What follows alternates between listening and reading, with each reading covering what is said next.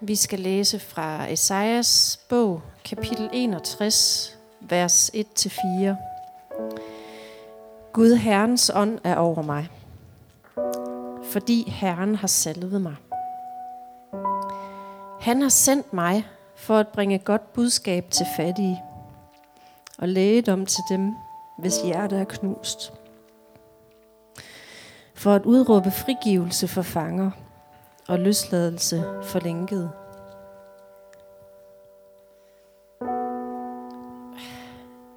For at udråbe et nådeår fra Herren og en hævndag fra vor Gud. For at trøste alle, der sørger. For at give Sions sørgende hovedpynt i stedet for aske. Glædens olie i stedet for sørgedragt. Og lovsang i stedet for svigtende mod. De skal kaldes Herrens, nej, de skal kaldes retfærdighedens ege, plantet af Herren til hans herlighed. De skal genopbygge ruiner fra fortiden og genrejse gamle tomter. De skal genopbygge ødelagte byer, der lå i grus i slægt efter slægt. Amen.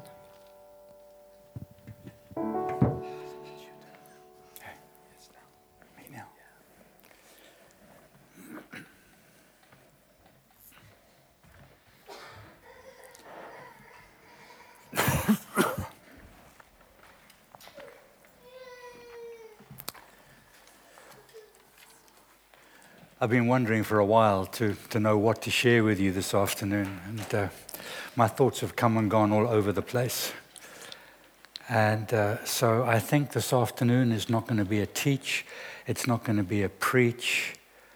I'm just going to be a witness to Jesus and share a mixture of thoughts that I'm carrying in my heart. I want to go back to that scripture again, if I may. And uh, I'm just going to read it in English, if that's okay. I actually have Danish ancestry. My ancestors arrived in the north of Scotland about 1100 years ago. And uh, I'm sure I've still got one or two Danish genes in me somewhere, but not enough to speak Danish. So, the Spirit of the Lord God is upon me because the Lord has anointed me to bring good news to the afflicted. He sent me to bind up the brokenhearted, to proclaim liberty to captives and freedom to prisoners, to proclaim the favorable year of the Lord and the day of vengeance of our God, to comfort all who mourn, giving them a garland, of, garland instead of ashes, the oil of gladness instead of mourning, the mantle of praise instead of a spirit of fainting. So they'll be called oaks of righteousness, the planting of the Lord, that he may be glorified. Then they will rebuild the ancient ruins. They will raise up the former devastations. They will repair the ruined cities, the desolations of many generations. You know, we know that scripture well because we know Isaiah, but also because we know it's the, it's the passage that Jesus read at the beginning of his public ministry. He read the first two scriptures, the first two verses, and then he looked around and he said, Today, this scripture is fulfilled in your midst. I think, wow, what a profound statement. The Son of God was revealing himself as the fulfiller of the one who made this promise to the people of Israel. And in saying that, he was saying not only was he the Messiah, but he was saying, This, this is your Father's heart for you. See, Jesus came to reveal the Father. He said, If you've seen me, you've seen the Father. He came to show us how to live in relationship with the Father.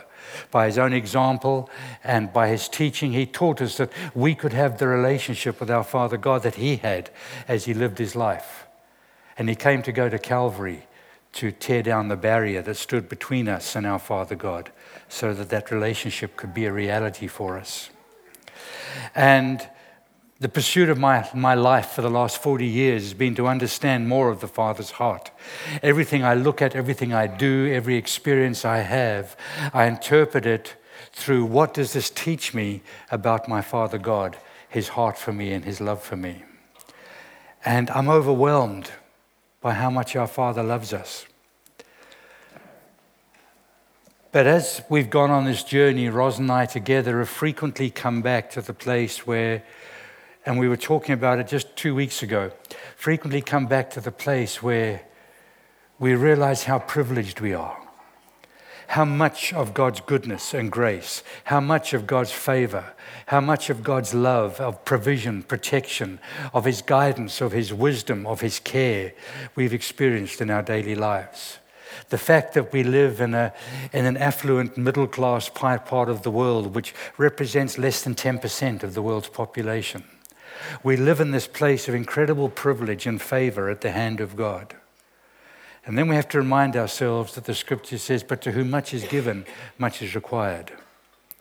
And we feel constantly challenged by God that we have a responsibility with what He's given us in terms of what we do with it. Do we just take it for ourselves and express our gratitude and awe and amazement at God's goodness to us? Or do we understand it's been given to us for a purpose?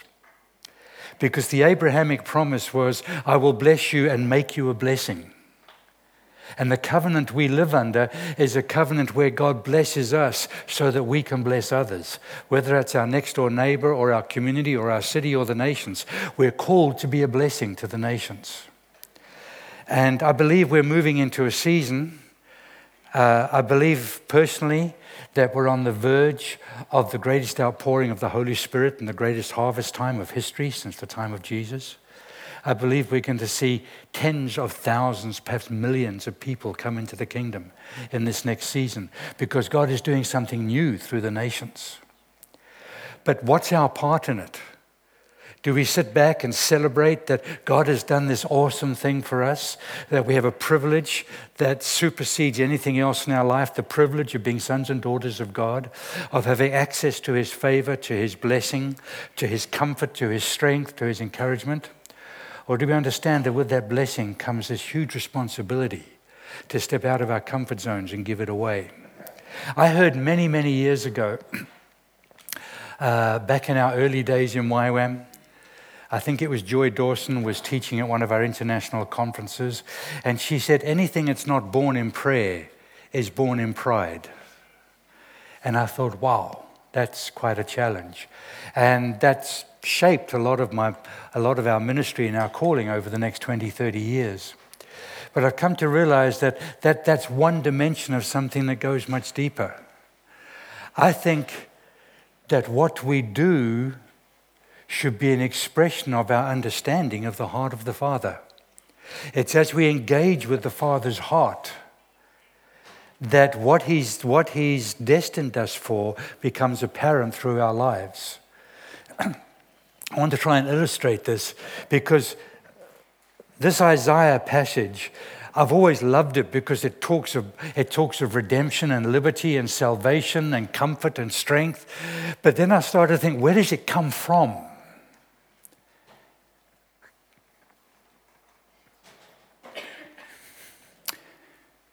It comes from a broken-hearted God. I've always seen it as, wow, look how amazing this is. Look all these wonderful things God wants to do for us. And then something in my heart touched his heart. And I realized it comes from a broken heart. So often we connect with the blessing of God. But I wonder how often we connect with the broken heart of God that paid an immeasurable price to make that blessing available to us. And I've come to realize that, that what's born in our lives, in our ministry, in our testimony, that doesn't come out of engaging with His broken heart doesn't bear the fruit that we think it's going to bear. It doesn't bear the fruit we anticipate or hope for.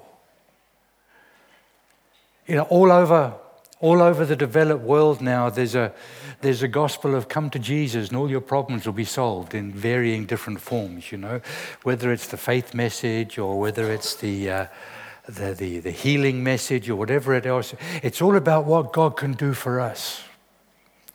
But the closer we get to the heart of God, I believe the more we grasp the reality of what He's already done for us and the pain that is in his heart that motivated him to do for us what he did for us. And I started to see this passage in Isaiah in a new way. It's, it's about God's broken heart. He's expressing his, his pain and his longing and the devastation that he feels in his heart for his creation that has fallen so far from what he designed us for, fallen so short of what he's destined us for. And that last part of it, chapter 4, that, that rebuilding the places of desolation.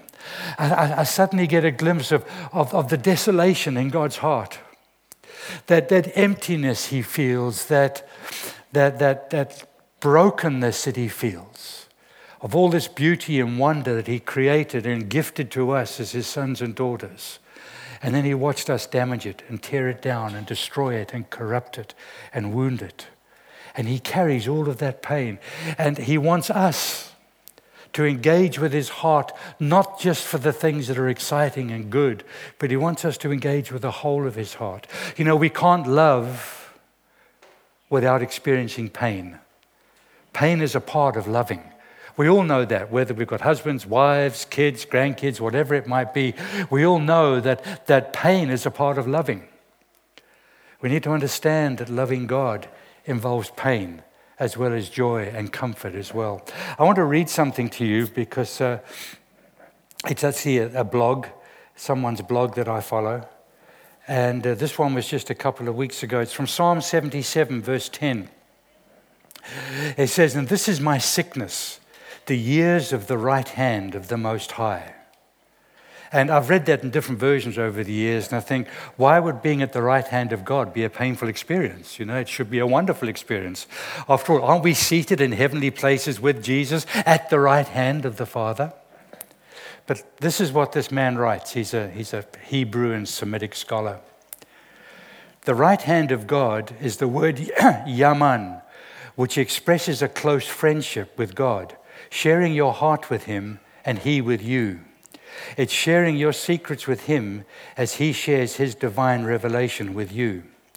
The ancients believed your heart was found in the palm of your right hand.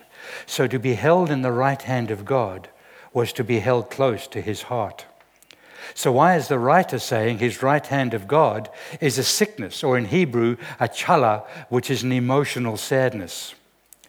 Just as when you share your heart with a friend and they share their heart with you, if your friend's heart is broken and sad, you also feel a brokenness and a sadness. When you're close to the heart of God, you begin to feel not only his pleasure, but his pain. You begin to feel his heartbreak over the sin and suffering of this world. Just as you would do anything you could to relieve the pain in your friend's heart, so too would you do whatever you could to bring relief to the pain and suffering of God's heart by sharing his love with others. I thought, wow, that was a major challenge to me. I've been involved in, in missions in one form or another for, for 40 years. And I looked at myself and I thought, is what I'm doing an expression of responding to God's broken heart? Or is what I'm doing something I do because I like doing it and I get great results? And uh, this part of my journey has been going on for about five or six years. My wife Ros and I birthed a new ministry, we're still pioneering it, about five or six years ago outside of YWAM. And uh, the Lord said to us at that that we were to go back to the beginning. And I wasn't quite sure what back to the beginning meant. It scared me a little bit because 40 years ago I used to get up at 4:30 in the morning and spend three, three hours with the Lord before going to work. And I felt like that kind of beginning is not for me anymore, you know. Been there, done that, got the t shirt. And. Uh, but as, as we've processed this over the last five years, I've realized the Lord is saying back to the beginning is back to His heart, to His heart's motivation, to what, to what moves Him to do what He does, to what moves Him to make the promises that He made in Isaiah 61. See, we want to be involved in evangelism. We want to be involved with the poor and the needy. We want to be involved in rescuing people and seeing them restored out of human trafficking. We want to be involved in all the, all the injustice that's going on in the world around us. But what is our motivation? A lot of people in the world want to be involved in those things too.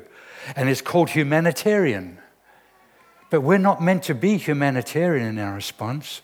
We're meant to be a testimony to the broken heart of God in our response. So, our response to the injustices and the brokenness in the world can't come out of a response to a need that we think we can meet. It's got to come out of our connecting with the broken heart of God. As I was processing this just last night, I was reminded of a situation uh, that we were involved with way back in 1985.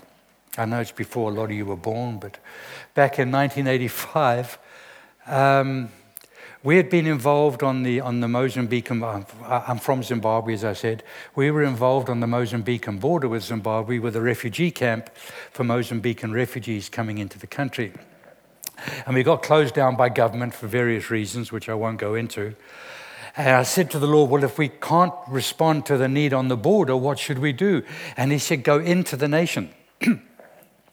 so I took a drive down to, uh, to the port city of Beira. It's about a 200, 350 kilometer drive from where I, where I live, pardon me.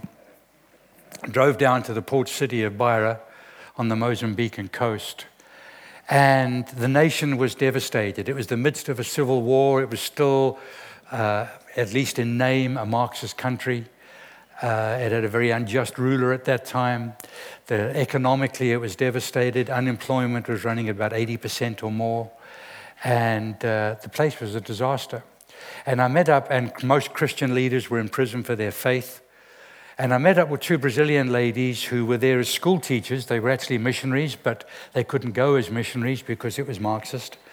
And uh, I stayed with them, and they said, What's brought you down here? I said, Well, I feel like God has told me to come, but I don't know what we're to do. So I'm just here to get a sense of what God wants us to do here.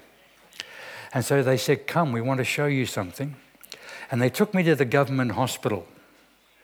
You could smell it half a kilometer before you got to it. It had had no running water and no electricity for two years. It had no medical supplies for more than a year.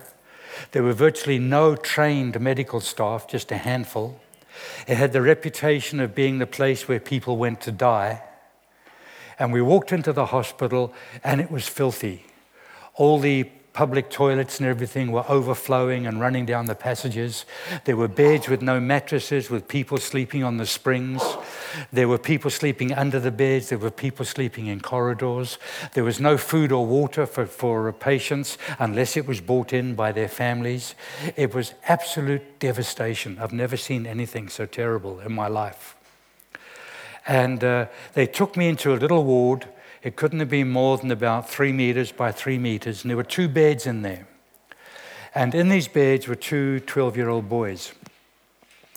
They had both been brought in because they'd been attacked by, by, by terrorists out in the bush, in the, in the Mozambican bush. One of them had plaster over his face. He'd just had his nose reconstructed because it had been cut off with a machete by a, by a terrorist. This other kid uh, he saw us come in and he cringed back in the corner of his bed and he bared his claws like this and snarled like a, white like a wild animal. And uh, he had a bullet wound in his shoulder. And these two Brazilian ladies said to me, he watched his whole family slaughtered with machetes. And he turned and ran away, and one of the terrorists shot him in the back of his shoulder and left him for dead. Some other villagers found him three days later, barely alive, and brought him to the hospital. He's been here for two months, and his wound is getting worse and worse. And uh, I had no idea how to respond to this. I sat down on the bed, and these two women had, had built some kind of relationship with this kid. So I sat down on the end of his bed, and they talked to him and coaxed him. And little by little, it took about 10, 15 minutes, he came out of the corner of his bed and got closer and closer to me. And then he reached out and he washed his hand in his little plastic cup of drinking water. Probably the most precious thing that he had was a glass of drinking water. He washed his hand in it and he reached out and took my hand. And I just broke and wept. I had no idea how to respond to this. All I could feel was the overwhelming sense of God's broken heart for this little boy. And I just sat there and wept. 10, 15 minutes later, I don't know how long, we got up and we left. And uh, I came back down. I went home from that trip and I said, Lord, I think we're supposed to do something. We're supposed to do something medically, but I don't know what. And I went back down two weeks later and I went straight to the ward, and this little boy wasn't there. So I went to these two Brazilian ladies. I thought he died. I went to these two Brazilian ladies. I said, What's happened to? That was his name. They said, Oh, they said, the day you went to see him, his wound started to heal. Ten days later, he was released from hospital. He's now at the orphanage down the road. So we went down to the orphanage to see him, and he was up on the balcony, and he saw me coming, and he came running down the stairs, and he ran across the courtyard, went down on his knees, and put his hands around my legs, and just hung on to me. So I broke his hold on me, and I picked him up and held him, and we, we laughed and cried together. And I went from there, and I went back to the to the to the. Uh, the director of the hospital, Mozambican man, lovely guy, he's a communist man, but he had a real heart for his people and he was desperate. He didn't have medical staff, he didn't have medical supplies. And uh, I said, You need help? He said, Yes, I do. What can you do for me? And sitting right there, having not thought a word about it before, I just spoke out of my heart. I said, I will commit a minimum of three fully trained nurses as volunteers for the next two years to work with you. And I will commit to give you half a million dollars worth of medical supplies over that two year period. And I went home. I was traveling with uh, my director from South Africa at the time. We're driving back to Zimbabwe, and he looks at me and he says, I'm really glad it was you that made that commitment, not me. so, but I was back two weeks later with three nurses uh, a South African, an English nurse, and a, and a Dutch nurse. And the three of them went back down with me, and uh, others came and went. Two of them stayed for the whole year, two year period. Others came and went. And over that two years, over the first 21 months of that two years, I was able to take down just over $10,000 worth of medical supplies donated by pharmacies in Zimbabwe. Three months before that two years was up, I got a phone call from South Africa, and a man said to me, Mike, uh, I'm connected with the International Red Cross. He said, Do you need medical supplies in Mozambique? I said, Yeah, I do. He said, I have half a million dollars worth in a container. Can you use it? I said, Let me pray about it. You know? I said, Sure. And just before the two years was up, half a million dollars, uh, sorry, quarter of a million, quarter of a million dollars worth of medical supplies arrived at the at the hospital in Mozambique. That had nothing to do with me. I didn't plan it. I didn't recruit it, I didn't do anything for it, but I connected with God's broken heart. And it freed God to do something way beyond anything I could ever have done in my own strength, with my own vision, with my own capacity. One of those nurses never left Mozambique. Well, she left for a few years, the Dutch girl. She left for a few years back to Holland. During the years she was there, she kept taking teams back to Mozambique. And just a few years ago, she went back permanently again.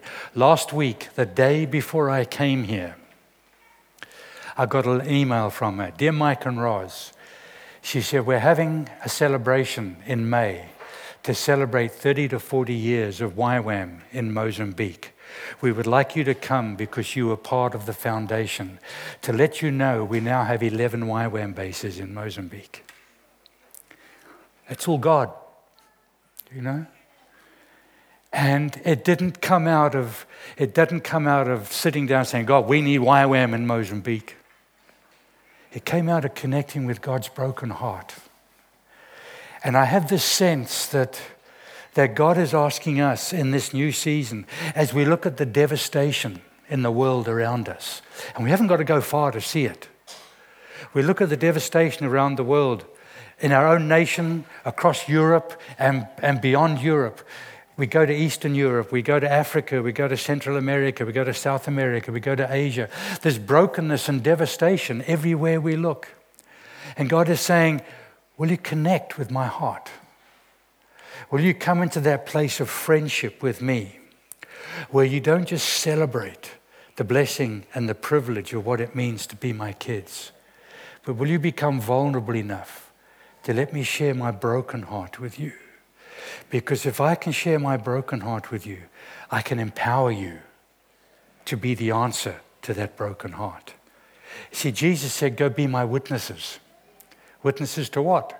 Witnesses to what he's done in our lives, yes. Witnesses to what Calvary was all about, yes. But witnesses to the heart of a broken God who understands pain, who understands loss, who understands devastation, who understands break, brokenness, who understands loneliness, because he took it all upon himself at Calvary. Every last shred of it, he absorbed into himself so that we wouldn't have to. And there's a world out there waiting to know that God has carried their pain and their brokenness for them so that they can be freed from it so that the poor can hear the gospel, so that the, the wounded can be healed, so that the imprisoned can be set free. And we're not just talking about emptying our physical prisons, God's talking about releasing people from the prison of guilt and pain and suffering and hurt and disappointment and disillusionment that they carry in their hearts. We have this Father who wants to set us free, who wants to set not just us, but the nations free, our neighbors and our workmates and the people down the road and the people across the borders and the people around the nations. He wants to use us because He's blessed us to make us a blessing to the nations. So it's all been a little bit disjointed, I realize that, but I think the heart of what God is saying to us all, including me this afternoon, is you understand the privilege and responsibility that we have as his kids to engage with his heart, with the whole of his heart, with the pain and the joy, with the brokenness and the redemption, with the hopelessness and the hope, to engage with all of his heart. So the reality of Isaiah 61 can be lived out through us as his witnesses to the nations.